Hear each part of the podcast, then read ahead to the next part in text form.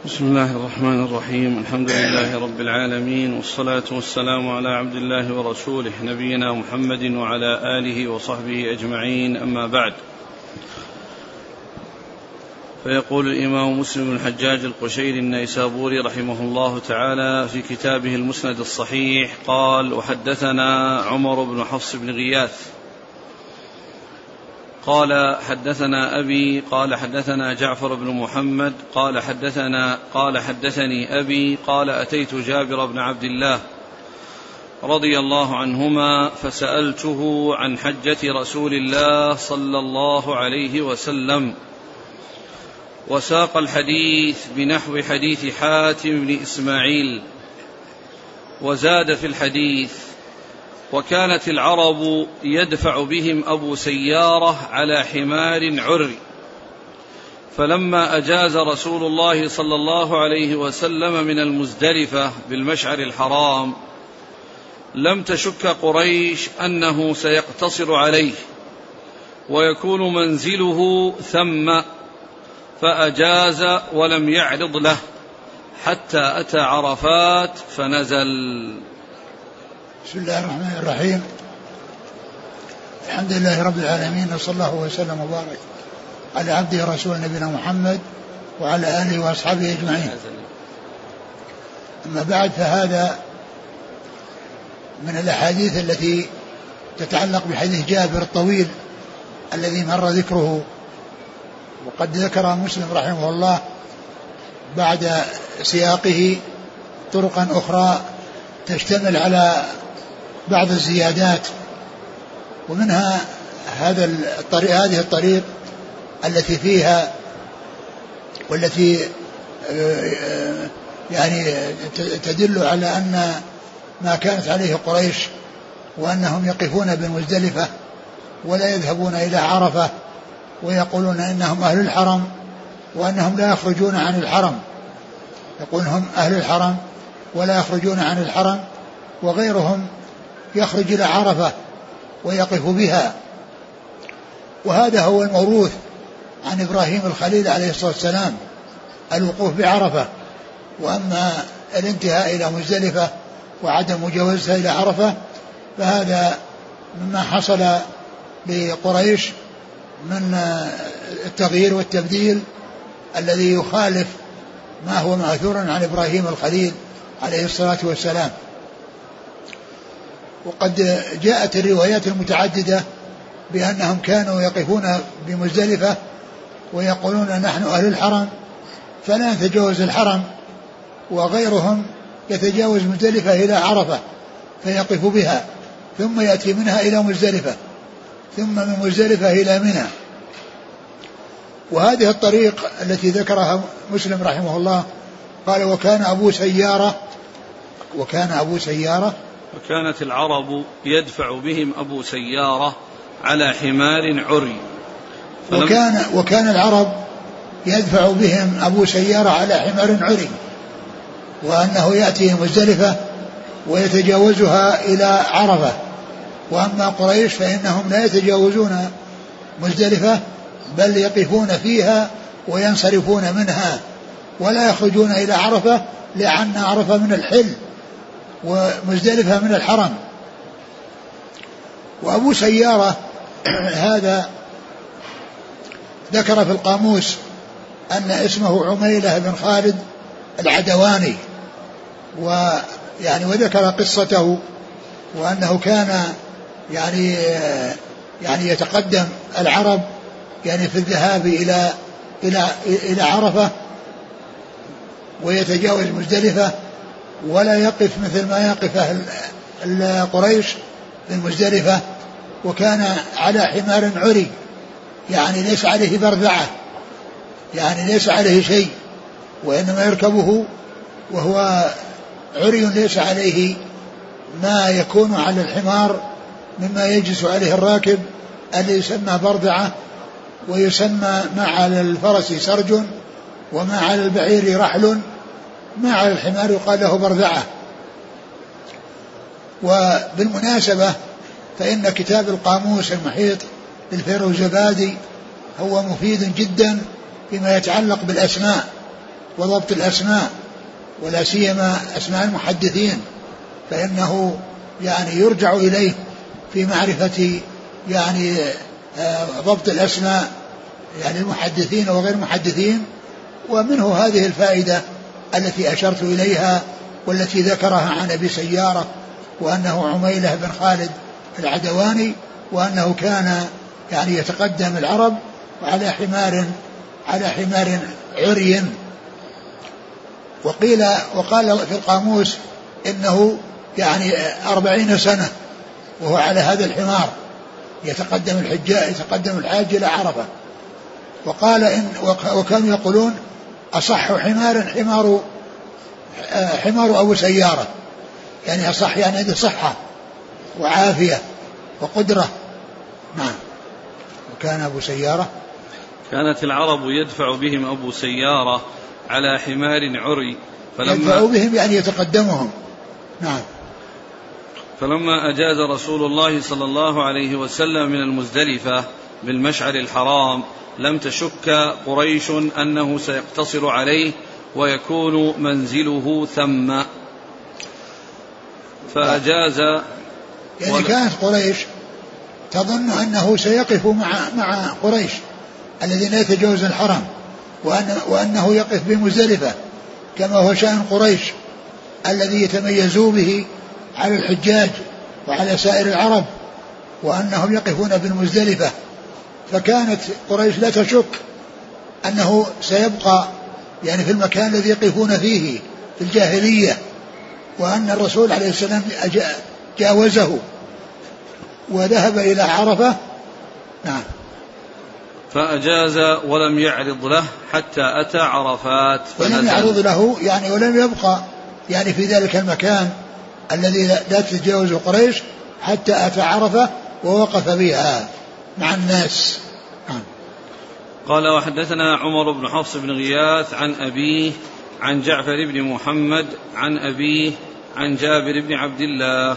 نعم وهذا يعني الاسناد حديث جابر الطويل وكذلك الأشياء المتفرعة عنه كلها من طريق جعفر بن محمد بن علي بن حسين عن أبيه محمد بن علي عن جابر بن عبد الله الأنصاري رضي الله عنهما.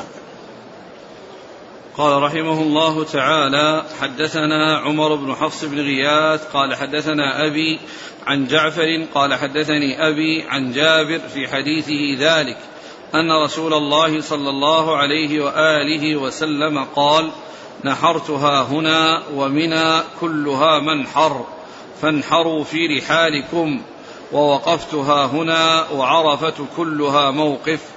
ووقفتها هنا وجمع كلها موقف. ثم ذكر هذا الحديث الذي هو قطعة من حديث جابر الطويل وجاء من بعض الطرق أن الرسول عليه الصلاة والسلام لما جاء يوم العيد ورمى الجمرة ذهب إلى المنحر ونحر ثلاثا وستين بيده عليه الصلاة والسلام كما مر في حديث جابر الطويل. وقد قال عليه الصلاة والسلام نحرتها هنا ومنها كلها منحر. ومنها كلها منحر فانحروا في رحالكم. يعني أن هذا المكان الذي نحر فيه الرسول عليه الصلاة والسلام لا يقال أنه لا ينحر إلا فيه وإنما ينحر فيه وفي غيره. ولهذا قال نحرتها هنا ومنها كلها منحر. فانحروا في رحالكم. يعني رحالكم منازلكم. لأن الرحل يطلق على المنزل سواء كان من من بنيان أو من خيام أو بيوت شعر أو غيرها هذه كلها رحال. ويقال له رحل يعني منزل. و وقد جاء في حجة الوداع أن الرسول عليه الصلاة والسلام لما صلى بالناس الفجر في مسجد الخيف وسلم وإذا رجلان جالسان فدعا بهما فجاءوا ترتعد فرائصهما. فقال ما لكم ألا تصليا معنا؟ قال صلينا في رحالنا. يعني خيامهم التي كانوا جاءوا منها. صلينا في رحالنا.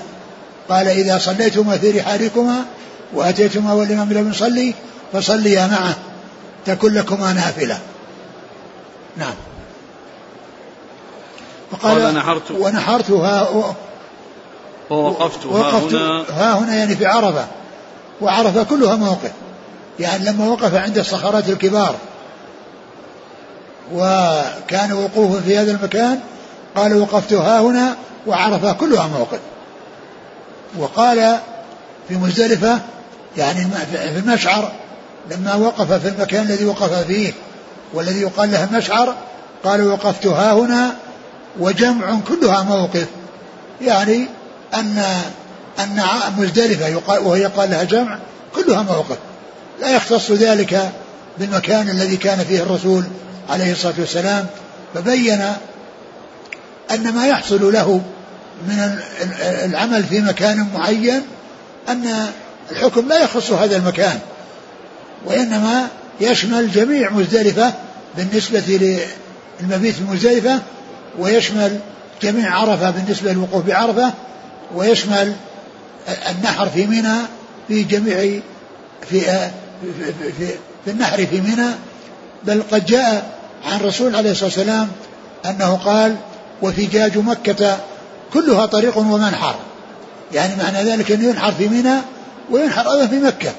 ليس بلازم أن النحر يكون يكون بمنى لأن الرسول عليه الصلاة والسلام قال نحرتها هنا وفجاج مكة كلها طريق ومنحر. ومنها منحر وفجاج مكة كلها طريق ومنحر. إذا ممكن يقال نحر الهدي إنما هو في حدود الحرم. نعم. يكون في داخل الحرم. الآن مكة امتدت إلى خارج الحدود. والله ال... الذي يعني ينبغي أنه يكون في داخل الحرم. لكن من حيث إطلاق مكة تطلق على على ما كان داخل الحرم وعلى البيوت التي تمتد خارج الحرم. يقال لها مكة لكن ما يقال لها حرم. مثل المدينة الآن يعني الأماكن التي يعني كانت بعيدة وهي ليست من الحرم هي من المدينة لكن لا يقال لها من الحرم.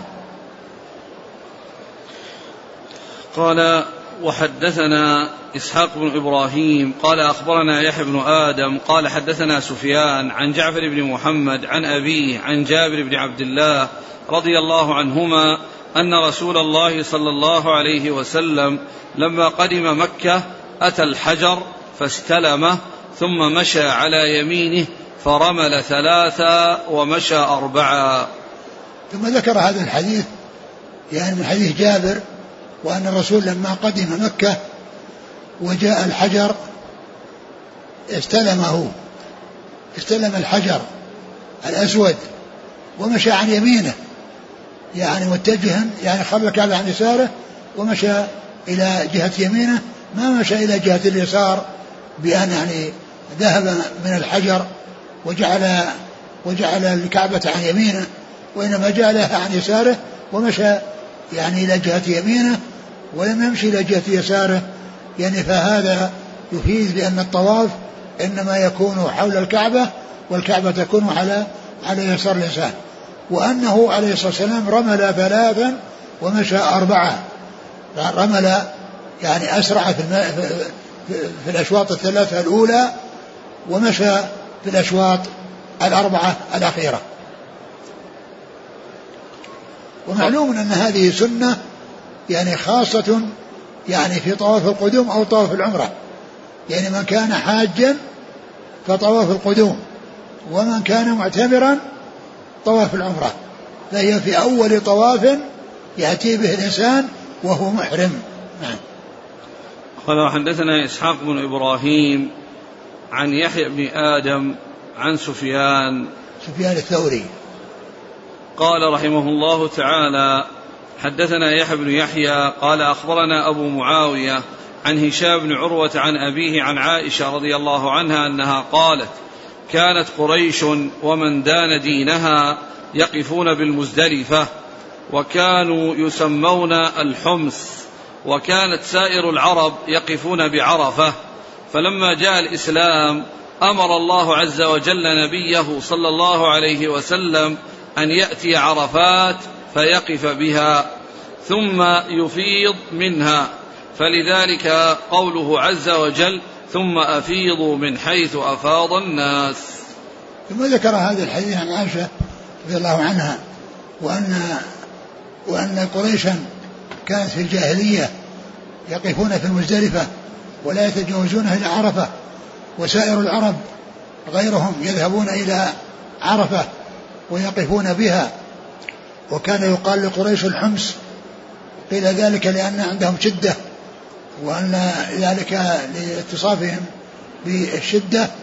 ولما جاء الإسلام أمر الله نبيه صلى الله عليه وسلم أن يذهب إلى عرفة وأن يقف بها وألا يعني يفعل هذا الفعل الذي تفعله قريش في الجاهلية وهو الوقوف بمزدلفة وقد مر أنهم كانوا يعني لا يشكون أن الرسول صلى الله عليه وسلم سيقف في موقف قريش ولكنه تجاوز ذلك عليه الصلاة والسلام إذ ذهب إلى عرفة ولم يقف آه، عند حد مزدلفة بل تجاوزها إلى عرفة ورجع منها إلى مزدلفة وبات بها صلوات الله وسلامه وبركاته عليه. نعم. إيش بعده؟ كانت قريش ومن دان دينها يقفون بالمزدلفة وكانوا يسمون الحمص. كانت سائر العرب يقفون بعرفة. لما جاء الإسلام أمر الله نبيه عليه الصلاة والسلام أن يأتي عرفات فيقف بها ثم يفيض. وذلك قوله عز وجل ثم أفيضوا من حيث أفاض الناس. يعني من حيث أفاض الناس اللي هم غير قريش.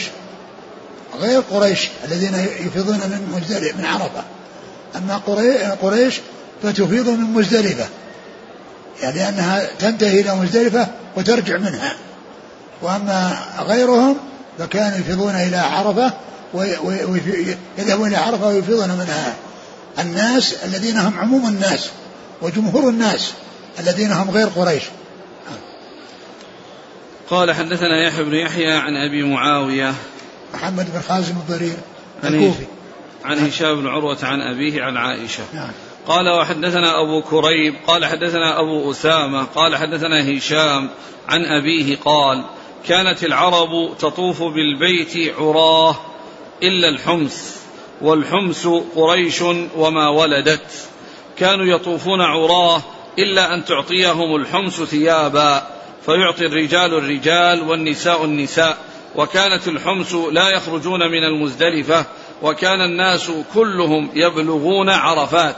قال هشام فحدثني أبي عن عائشة رضي الله عنها أنها قالت الحمص هم الذين أنزل الله عز وجل فيهم ثم أفيضوا من حيث أفاض الناس. قالت كان الناس يفيضون من عرفات وكانت الحمس يفيضون من المزدلفة يقولون لا نفيض إلا من الحرم فلما نزلت أفيضوا من حيث أفاض الناس رجعوا إلى عرفات. ثم ذكر هذا هذا الحديث أن قريشا أن الحجاج كانوا يأتون ويعني وليس معهم كسوة يأتون عراة ويعني يعني يطلبون من أهل الحرم أن يزودوهم بثياب النساء تزود النساء والرجال يزوج الرجال. وهذا من السفاهات التي كانت يعني في الجاهلية عند الذين يأتون إلى الحج من غير أهل الحرم وأنهم يعني يكونون على هذا الوضع المزري وهو التعري والطواف بالبيت عراة. ولهذا الرسول عليه الصلاة والسلام قبل أن يحج في حجة أبي بكر الصديق رضي الله تعالى عنه يعني أمر أن ينادى ألا يحج بعد العام المشرك وألا يطوف بالبيت عريان. ألا يحج بعد العام المشرك وألا يطوف بالبيت عريان.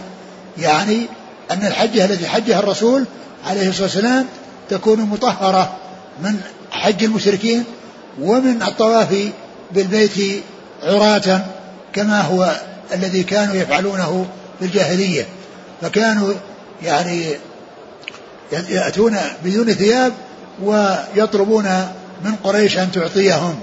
فالنساء تعطي النساء والرجال يعطون الرجال. إيش يقول؟ كانت العرب تطوف بالبيت عراة إلا الحمص والحمص قريش وما ولدت. كانوا يطوفون عراة إلا أن تعطيهم الحمص ثيابا. فيعطي الرجال الرجال والنساء النساء وكانت الحمص لا يخرجون من المزدلفة وكان الناس كلهم يبلغون عرفات. قال فحدثني أبي عن عائشة قالت الحمص هم الذين أنزل الله فيهم ثم أفيضوا من حيث أفاض الناس. قالت كان الناس يفيضون من عرفات وكان الحمص يفيضون من المزدلفة يقولون لا نفيض إلا من الحرم. فلما نزلت أفيض من حيث أفاض الناس رجعوا إلى عرفات. يعني أن قريشا الذين كانوا يفيضون من مزدلفة يعني لما نزل قول الله عز وجل ثم أفيضوا من حيث أفاض الناس تركوا ما هم عليه وذهبوا مع رسول الله صلى الله عليه وسلم إلى عرفة ورجعوا منها. فإذا في حجة الرسول عليه الصلاة والسلام التي نزل فيها القرآن ونزل فيها الوحي وحج بالناس عليه الصلاة والسلام وقال خذوا عني مناسككم فإن قريشا كانوا يظن يظنون أنهم سيكون موقف الرسول موقفهم وأنه لا يتجاوز الحرم ولكنه مضى إلى المزدلفة إلى عرفة ونزل القرآن ثم أفيض من حيث أفاض الناس فكانوا يعني ذهبوا إلى عرفة وأفاضوا من حيث أفاض الناس. ومعناه في ذلك حجة الوداع الكل ذهب إلى عرفة وجاء من عرفة. وأما قبل ذلك فكانوا فكانت قريش يقفون بالمزدلفة ولا يتجاوزونها إلى عرفة. نعم. قال حدثنا أبو كريب. وقريش كما سبق أن عرفنا أولاد فهر بن مالك ابن النضر بن كنانة. يعني من كان من نسل فهر بن مالك فهو قرشي ومن كان فوق ذلك لا يقال له قرشي. ونسب الرسول صلى الله عليه وسلم إلى عدنان يعني واحد وعشرون أبا. إلى عدنان واحد وعشرون أبا والأب الحادي عشر للرسول صلى الله عليه وسلم هو فهر بن مالك الذي تنتسب إليه قريش. وكل من كان من أولاد هذا الأب الحادي عشر للرسول عليه الصلاة والسلام فإنه قرشي. ومن كان يلتقي مع الرسول صلى الله عليه وسلم في نسب فوق فهر فهذا لا يقال له قرشي. إذا كان فوق فهر ويلتقي نسبه مع الرسول صلى الله عليه وسلم فوق فهر بن مالك هذا لا يقال له قرشي. إذا الآباء للرسول عليه الصلاة والسلام الذين اتفق أهل الأنساب على عدهم إلى آه، من آباء الرسول إلى عدنان. وما فوق عدنان إلى إسماعيل هذا مختلف فيه. ما فوق عدنان إلى إسماعيل هذا مختلف فيه. وإنما الاتفاق إلى عدنان. وكما قلت آه، قريش تنتسب إلى الأب الحادي عشر للرسول صلى الله عليه وسلم والبخاري رحمه الله ذكر نسب الرسول صلى الله عليه وسلم في كتابه في صحيحه وهو عليه الصلاة والسلام محمد ابن عبد الله ابن عبد المطلب ابن هاشم بن عبد مناف ابن قصي ابن كلاب ابن مرة ابن كعب ابن لؤي ابن غالب ابن فهر هذا الحادي عشر. ابن فهر ابن مالك ابن النضر ابن كنانة ابن خزيمة ابن مدركة ابن الياس ابن مضر ابن نزار ابن معد ابن عدنان. هؤلاء واحد وعشرون أبا للرسول صلى الله عليه وسلم. نعم. قال حدثنا أبو كريب. هو محمد بن علاء بن كريب. عن أبي أسامة.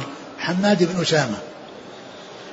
قال وحدثنا أبو بكر بن أبي شيبة وعمر الناقد جميعا عن ابن عيينة. قال عمرو حدثنا سفيان بن عيينة عن عمرو أنه سمع محمد بن جبير بن مطعم يحدث عن أبيه جبير بن مطعم رضي الله عنه أنه قال أضللت بعيرا لي فذهبت أطلبه يوم عرفة فرأيت رسول الله صلى الله عليه وسلم واقفا مع الناس بعرفة فقلت والله إن هذا لمن الحمص فما شأنه ها هنا؟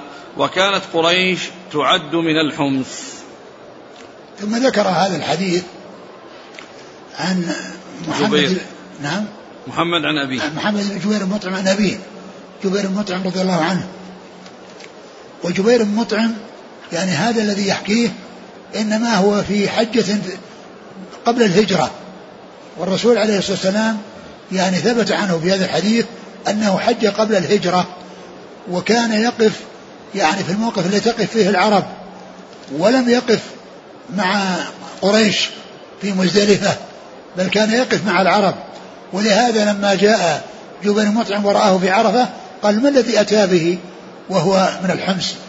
وكان قد بعث رسول الله صلى الله عليه وسلم وجبير مطعم ما أسلم إلا متأخرا.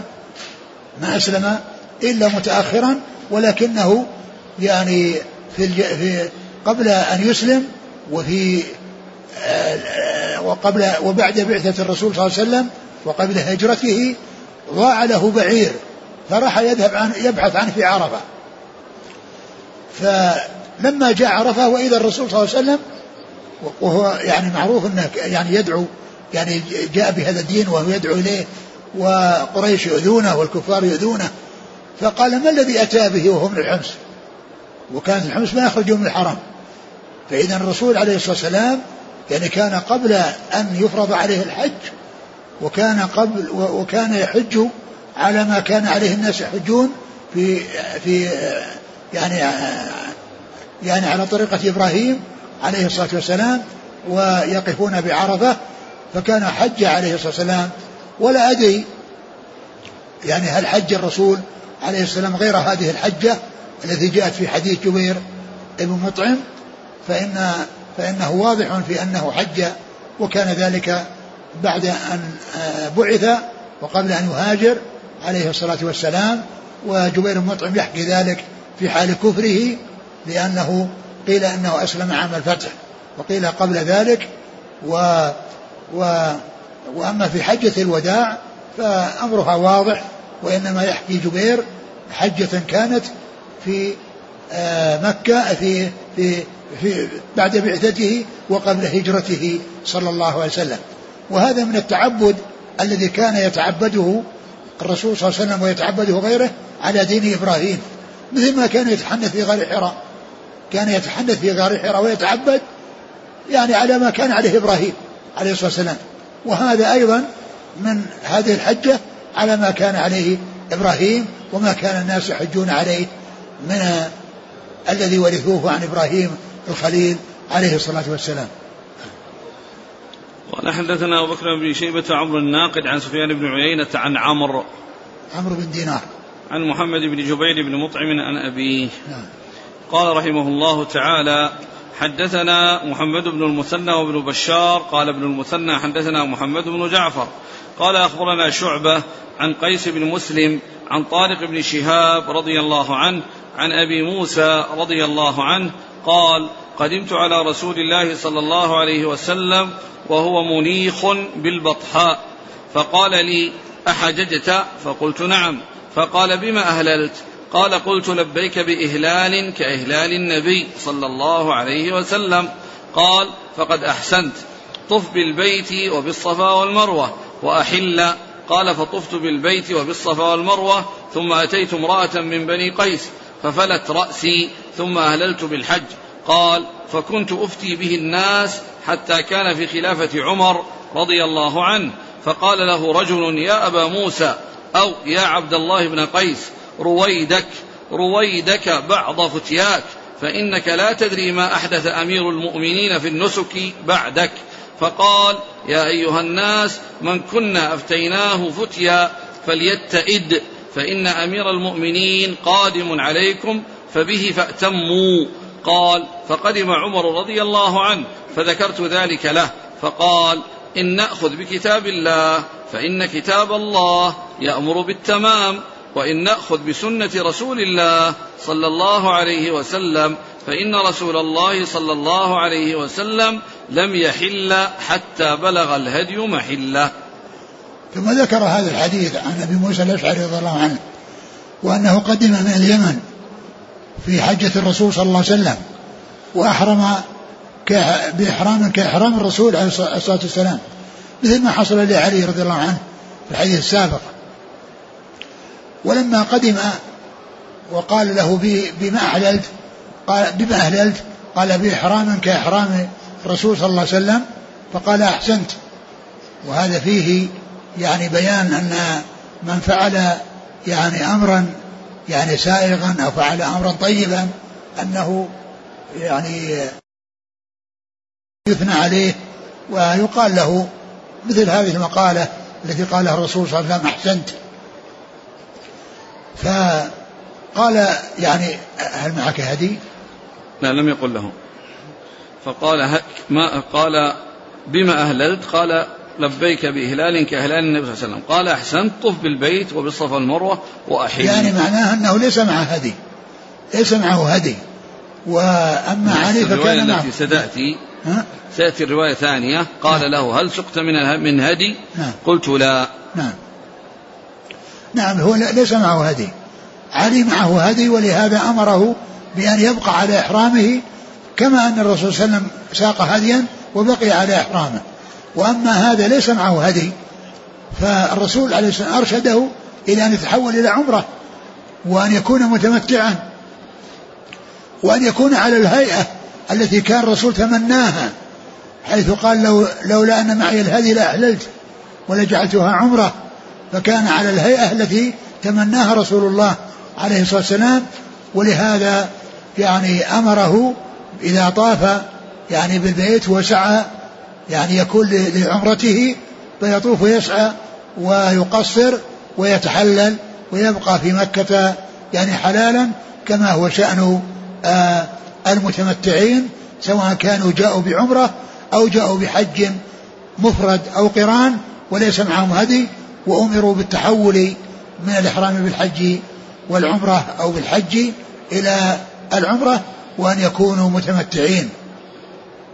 قال طف بالبيت وحل نعم. قال طف نعم. قال طف بالبيت وبالصفا المروة وأحل قال فطفت بالبيت وبالصفا المروة ثم أتيت امرأة من بني قيس ففلت رأسي. يعني بعد ما تحلل أتى امرأة من بني من بني قيس. من بني قيس. والمقصود بقيس أبوه يعني لأنه عبد الله بن قيس. والمقصود من ذلك أنها يعني بنت يعني ل ل ل لإخوانه. يعني الذين هم أولاد قيس. يعني هي بنت منهم. يعني معناه أنه محرم محارمها. ليست أجنبية.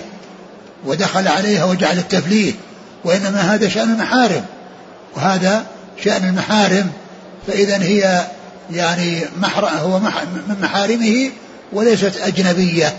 وهذا يدل على وأما دخول الرجال على النساء يعني على الأجنبيات فهذا نهى عنه الرسول عليه الصلاة والسلام وقال لا يعني آه يعني لا, لا يخلو الرجل من امرأة إلا وكان الشيطان ثالثهما وقال ولا ولا لا سفر امرأة إلا مع ذي محرم ولا يخلو رجل من امرأة إلا مع ذي محرم و وقال وسئل عن قال لما نهى عن الدخول على النساء قيل أرأيت الحمو؟ الحمو قريب الزوج. قال الحمو الموت. لأن هذا إذا حصل الخلوة يعني بالمرأة وكان أجنبيا منها فإن الشيطان يوقع يعني بينهما يعني الترغيب في الفاحشة. مثل ما حصل في قصة العسيف الذي كان مست... يعني أجيرا وعسيفا عند صاحب عند صاحب, عند صاحب بيت وأنه خلا بامرأته فزنا بها. ولهذا قال أبوه عند بيان آه، الدعوة والحجة إن ابني كان عسيفا على هذا فزنى بامرأته. يعني الاختلاط هو يسبب يعني البلاء ويسبب الشر. إن ابني كان عسيفا على هذا فزنى بامرأته. يعني معنى ما تسلق, تسلق الجدران ولا كسر الأبواب وجاء معتديا وإنما المخالطة في البيوت هذه هي سبب البلاء. ولهذا يعني يجب التحرز مما ابتلي به كثير من الناس في هذا الزمان من إظهار من من استخدام الخدم والخادمات بأن الخدم يعني يبتعدون عن النساء في البيوت وكذلك الخادمات يبتعدن عن الرجال في البيوت. فلا يكون هناك اختلاط لأن الاختلاط يؤدي إلى الفاحشة كما حصل لهذا العسيف الذي قال آه، النبي كان عسيفا على هذا فزنى بامرأته. إذا عبد الله بن قيس دخل على محرم من محارمه وفلت رأسه وليس ذلك يعني آه، من دخول الأجانب على الأجنبيات. نعم. ثم أهللت بالحج. قال ثم أهلل بالحج يعني في اليوم الثامن مع الحجاج كما هو شأن الذين أحلوا طافوا وسعوا وقصروا وأحلوا ثم قال فأهللت بالحج. نعم. فكنت أفتي به الناس حتى كان في خلافة عمر فقال وكان يفتي يعني بالتمتع والقول بالمتعة وأن الإنسان يتمتع يعني يأتي بعمرة وإن كان جاء بحج مفرد أو بقران وليس معه هدي يفسخ حرامه إلى عمرة. فكان يفتي بهذا. نعم إيش قال؟ فكنت أفتي به الناس حتى كان في خلافة عمر. فقال له رجل يا أبا موسى أو يا عبد الله بن قيس رويدك بعض فتياك فإنك لا تدري ما أحدث أمير المؤمنين في النسك بعدك. فقال يا أيها الناس من كنا أفتيناه فتيا فليتئد. فإن أمير المؤمنين قادم عليكم فبه فأتموا. ثم ذكر يعني أن أن أبا موسى لما كان يفتي بهذا الذي فعله في عهد الرسول صلى الله عليه وسلم بإرشاد من الرسول عليه الصلاة والسلام كان يفتي به فقال له رجل اتئد أو رويدك رويدك فإن يعني آه، فإن أمير المؤمنين فإنك لا تدري ما أحدث أمير المؤمنين في النسك بعدك. ما فإنك لا تدري ما أحدث أمير المؤمنين في النسك بعدك. يعني أن كلامك هذا يخالف الشيء الذي أحدثه عمر والذي حصل من عمر. فعند ذلك رضي الله عنه يعني قال أيها الناس من افتيناه بفتيا فليتئد حتى يأتي أمير المؤمنين فأتموا به. وهذا يعني يفيد أن أن الصحابة رضي الله عنهم وأرضاهم كانوا يكرهون الخلاف ويكرهون يعني آه، المعارضة للخلفاء الراشدين الهادين المهديين و ولهذا يعني قال يعني عمر قال أبو قال أبو موسى هذه المقالة فلما جاء عمر قال فلما قدم عمر قال ذكرت ذلك له. فقال إن نأخذ بكتاب الله فإن كتاب الله يأمر بالتمام وإن نأخذ بسنة رسول الله صلى الله عليه وسلم فإنه لم يحل حتى بلغ الهدي محله. قال إن نأخذ بكتاب الله فقد أمر بالتمام. قال وأتموا الحج والعمرة لله. التمام الذي أشار إليه قوله وأتموا الحج والعمرة لله. يعني من أحرم بحج يتمه ويستمر عليه. وإن نأخذ بالسنة فإن الرسول صلى الله عليه وسلم لم يحل من هديه إلا يوم النحر. لم يحل من من من حرامه إلا يوم النحر. لكن هذا لأنه ساق الهدي. أما الذين ما ساقوا هدي مثل أبي موسى الأشعري وغيره فإن هؤلاء يعني يحلون إذا طافوا وسعوا وقصروا. وعمر رضي الله عنه اجتهد في هذا وكما اجتهد أبو بكر وعثمان رضي الله عنهم يعني هؤلاء الخلفاء الثلاثة كانوا يرشدون إلى الإفراد وأن الناس يأتون يترددون على البيت فيأتون بسفر فيه عمرة وسفر فيه حج ولا يجمع بينهما حتى لا يحصل التردد على البيت. هذا هو الذي أراد أرادوه رضي الله عنهم وأرضاهم وسيأتي يعني ما يوضح يعني هذا الشيء وأنهم أرادوا أن الناس يترددون على البيت وأن من جاء إلى الحج مفردا فبقي فإنه يحتاج إلى عمرة فيأتي بها يعني مفردة أو مستقلة عن الحج ولكن وهذا ليس إلزاما منهم وإنما هو بيان الأمر الذي ينبغي والأولى للناس يعني حتى يرددوا على البيت وإلا فإنهم لم يمنعوا هذا منعا كما سيأتي أنهم قالوا أن الأولى للناس أن يكونوا كذلك. قال حدثنا محمد المثنى وابن بشار عن محمد بن جعفر عن شعبة عن قيس بن مسلم عن طارق بن شهاب عن أبي موسى. نعم. قال وحدثناه عبيد الله بن معاذ قال حدثنا أبي قال حدثنا شعبة في هذا الإسناد نحوه. قال وحدثنا محمد بن المثنى قال حدثنا عبد الرحمن يعني بن مهدي قال حدثنا سفيان عن قيس عن طارق بن شهاب رضي الله عنه عن أبي موسى رضي الله عنه أنه قال قدمت على رسول الله صلى الله عليه وسلم وهو منيخ بالبطحاء فقال بما أهللت؟ قال قلت أهللت بإهلال النبي صلى الله عليه وسلم. قال هل سقت من هدي؟ قلت لا. قال فطف بالبيت وبالصفا والمروة ثم حل. فطفت بالبيت وبالصفا والمروة ثم أتيت امرأة من قومي فمشطتني وغسلت رأسي. فكنت أفتي الناس بذلك في إمارة أبي بكر وإمارة عمر فإني لقائم بالموسم إذ جاءني رجل فقال إنك لا تدري ما أحدث أمير المؤمنين في شأن النسك. فقلت أيها الناس من كنا أفتيناه بشيء فليتئد فهذا أمير المؤمنين قادم عليكم فبه فأتموا. فلما قدم قلت يا أمير المؤمنين ما هذا الذي أحدثت في شأن النسك؟ قال إن نأخذ بكتاب الله فإن الله عز وجل قال وأتموا الحج والعمرة لله. وإن نأخذ بسنة نبينا عليه الصلاة والسلام فإن النبي صلى الله عليه وسلم لم يحل حتى نحر الهدي. وهذا مثل الذي قبله و وهذا الذي فعله أبو موسى من جنس الذي فعله ابن مسعود مع عثمان رضي الله عنه في كونه صلى أربعا يعني بمنى الذي هو آه، عثمان. ويعني وكان ابن مسعود يعني يعني يقول ب يعني بالشيء الذي ثبت عن رسول الله صلى الله عليه وسلم أنه كان يقصر بمنى ولما قيل له يعني أنه فعل أو تابع عثمان قيل له قال الخلاف شر. قال الخلاف شر يعني أنه وافق الإمام. ومعلوم أن أن أن المسافر يعني إذا أتم فإتمامه جائز.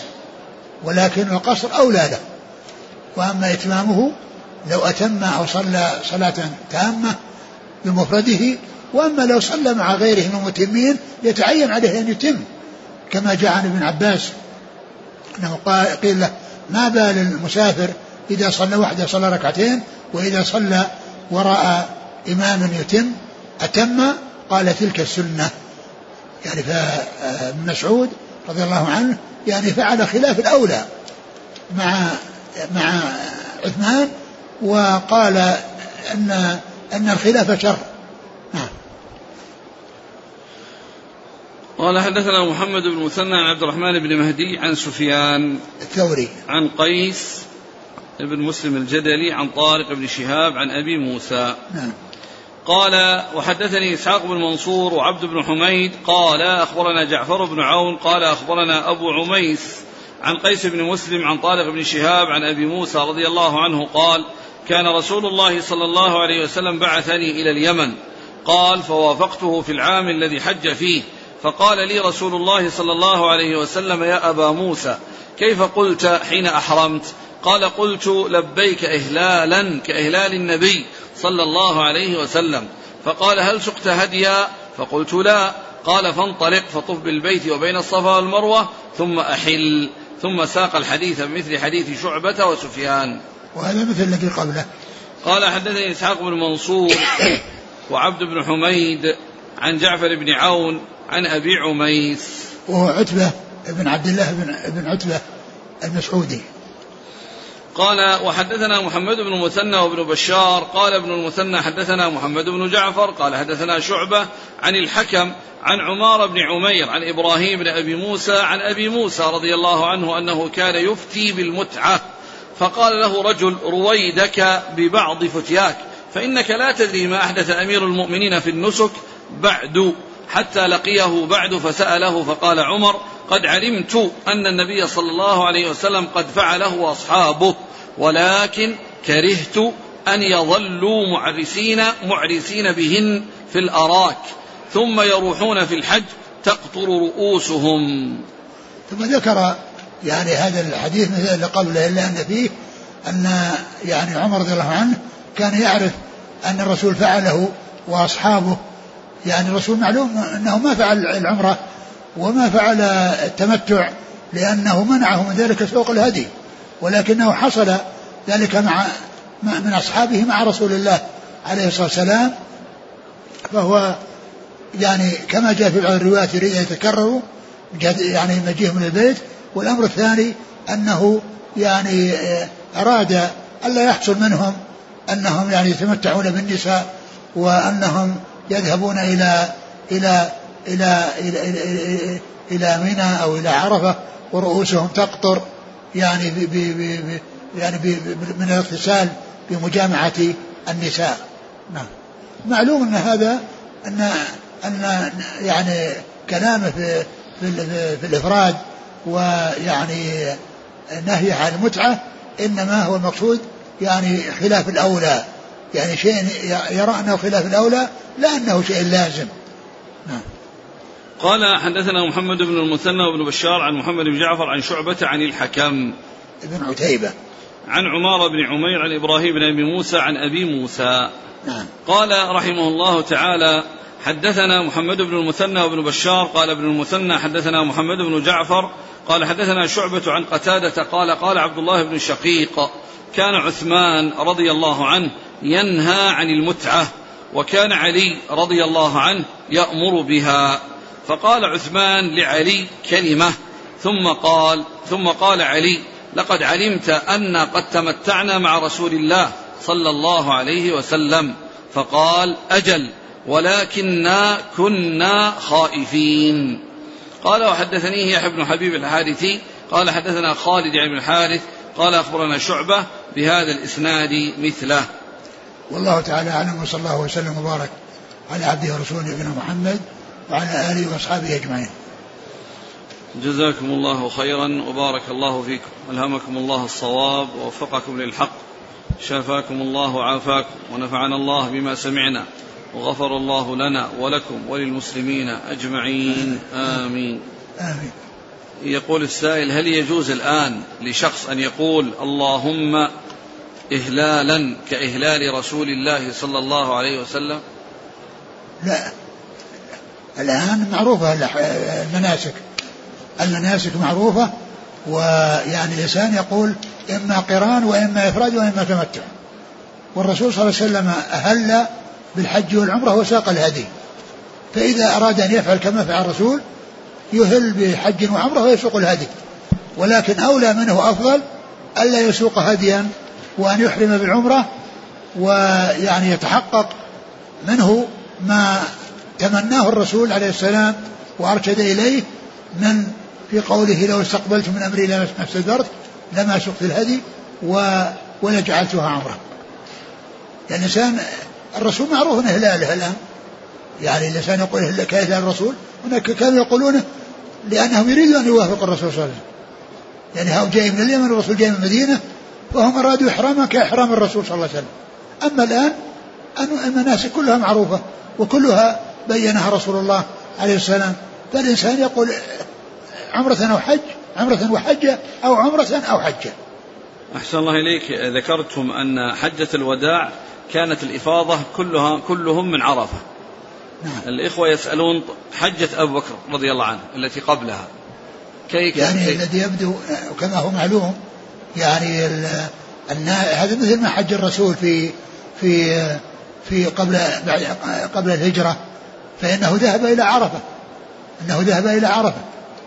يعني معنى ذلك أنهم وقفوا بعرفة يقول مثلا الآن قضية أن أن ولي الأمر إذا أمر بأمر في مسألة في مسألة خلافية ضرب مثلا قال لو أن ولي الأمر أمر المصلين في المسجد الفلاني أن يصلوا على مذهب فلان.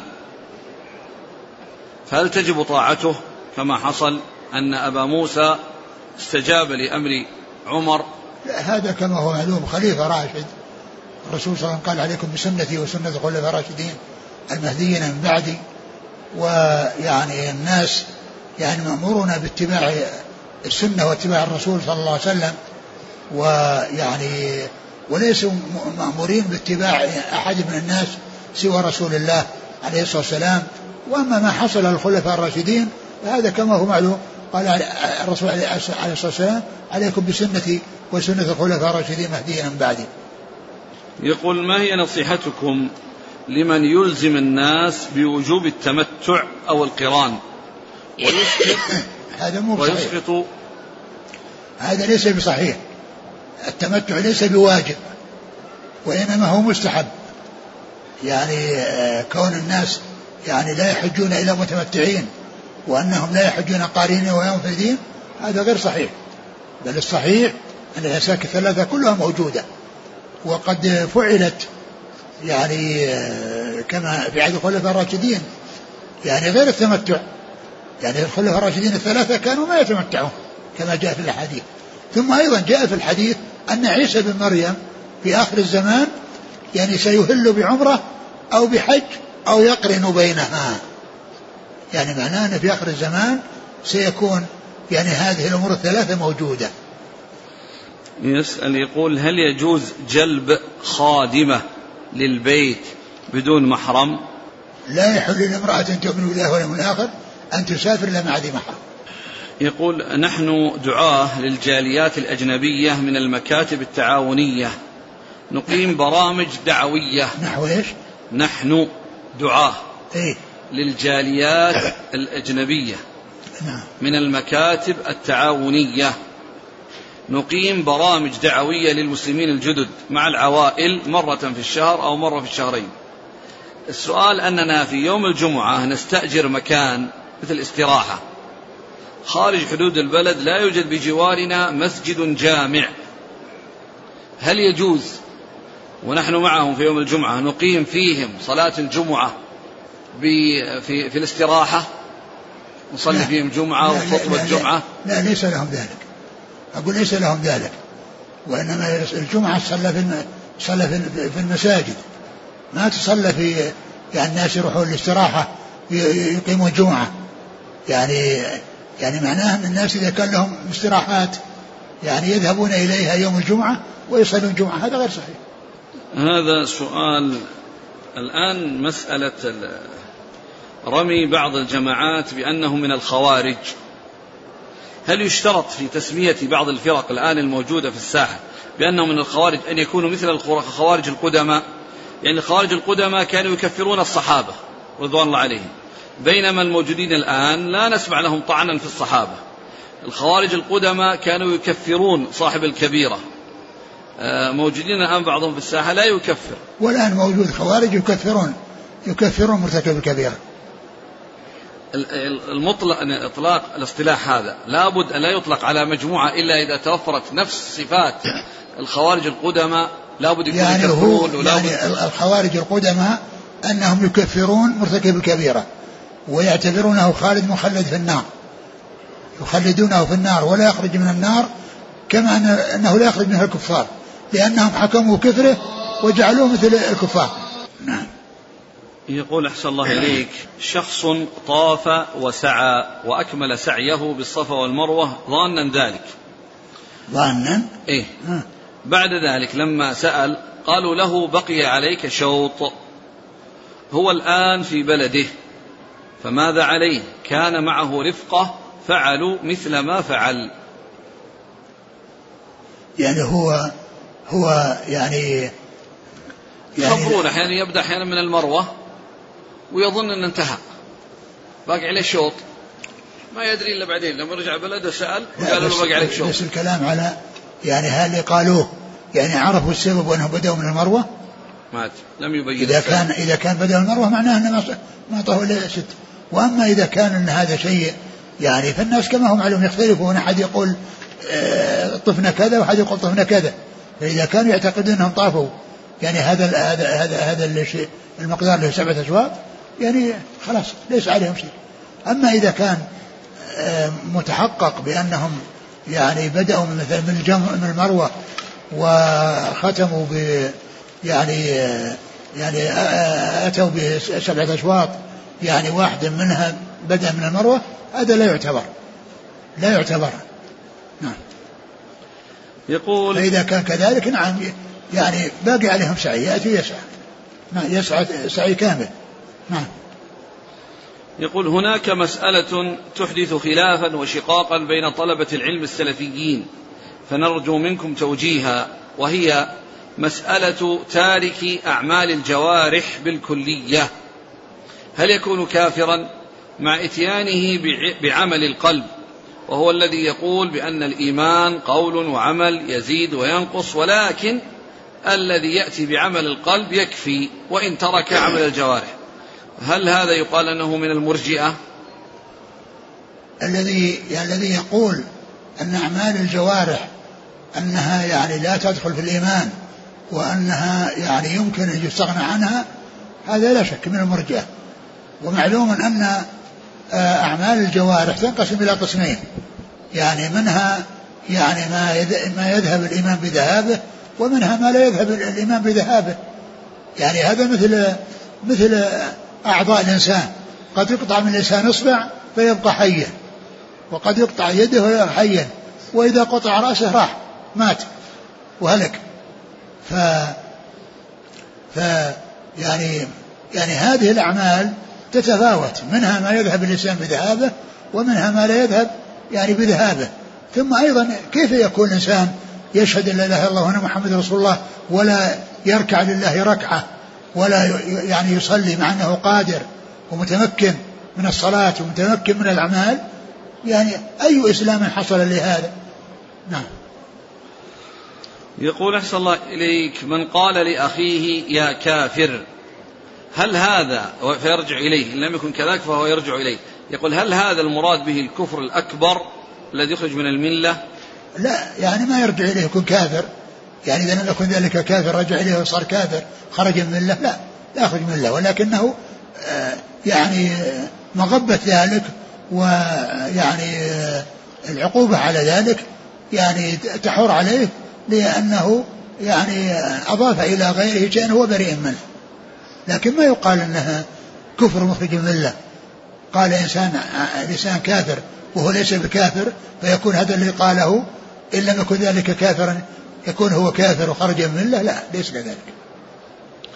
هل الأشاعرة من ضمن الفرق الضالة. لا شك هم من أهل الضلال لأنهم ليسوا من أهل السنة. أهل السنة هم الذين يثبتون الله كل ما أثبته لنفسه وأثبته لرسوله عليه الصلاة والسلام على وجه يليق بكماله وجلاله. وأما الأشاعرة فهم يثبتون سبعا ويؤولون الباقي.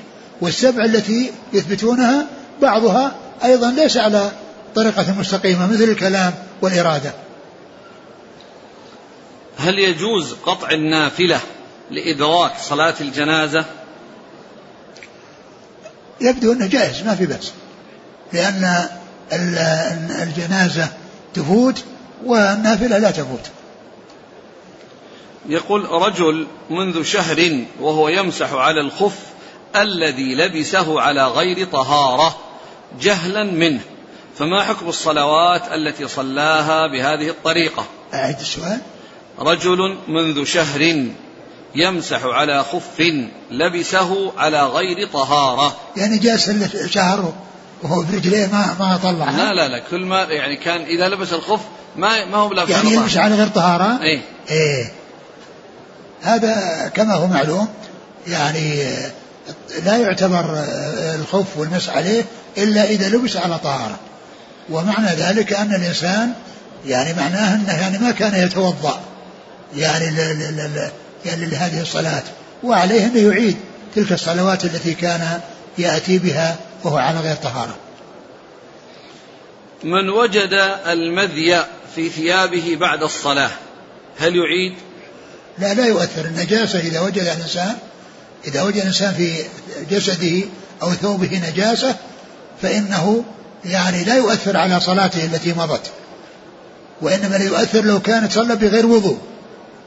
يقول صلاة أحدكم إذا حتى يتوضأ وأما إذا كان عليه نجاسة ولم يعلم بها إلا بعد فرض الصلاة فإنها لا تؤثر. ويدل على ذلك أن الرسول عليه الصلاة والسلام لما كان يصلي وفي نعليه يعني شيء من الأذى وجاءه جبريل وأخبره فقال يعني يعاله في الصلاة واستمر. فلو كان أنه يعيد كان يبدأ الصلاة من جديد. أقول يبدأها من جديد. فمثل هذا إذا كان صلوا عليه نجاسة ولم يعلم بها إلا في الصلاة فإن صلاته صحيحة. يقول بارك الله فيك شخص مسافر صلى مع جماعة مسافرين. صلى المغرب والعشاء جمعا وقصرا.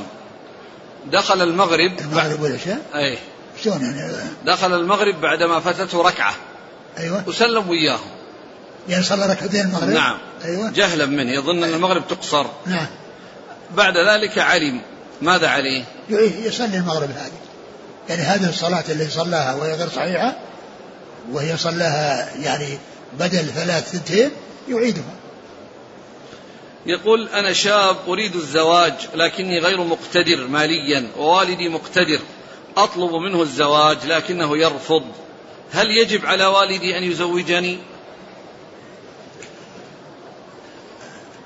نعم يجب عليه. أقول يجب عليه يزوج إذا كان قادرا. يقول ما هو الضابط في كف من أراد أن يقطع صلاتك؟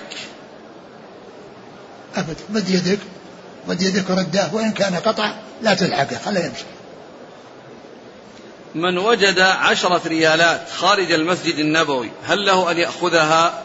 هذه أمرها بسيطة هذه لا يقال لقطة. يحتاج إلى أنه يعني تعرف. يعني هذه له أن يأخذها وإن تصدق بها عن صاحبها فهو أولى.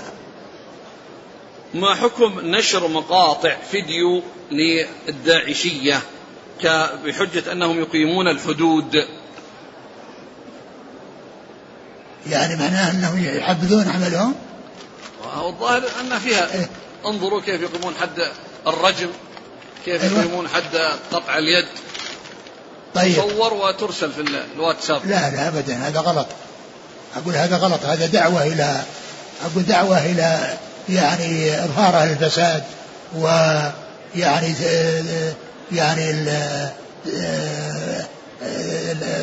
يعني بيان يعني تعبير ما هم عليه. يعني نعم هم حصل إذا كان ثبت حصل من هذا عندهم ما هو اسوء منه. جزاكم الله خيرا. سبحانك اللهم وبحمدك. نشهد أن لا إله إلا أنت. نستغفرك ونتوب إليك.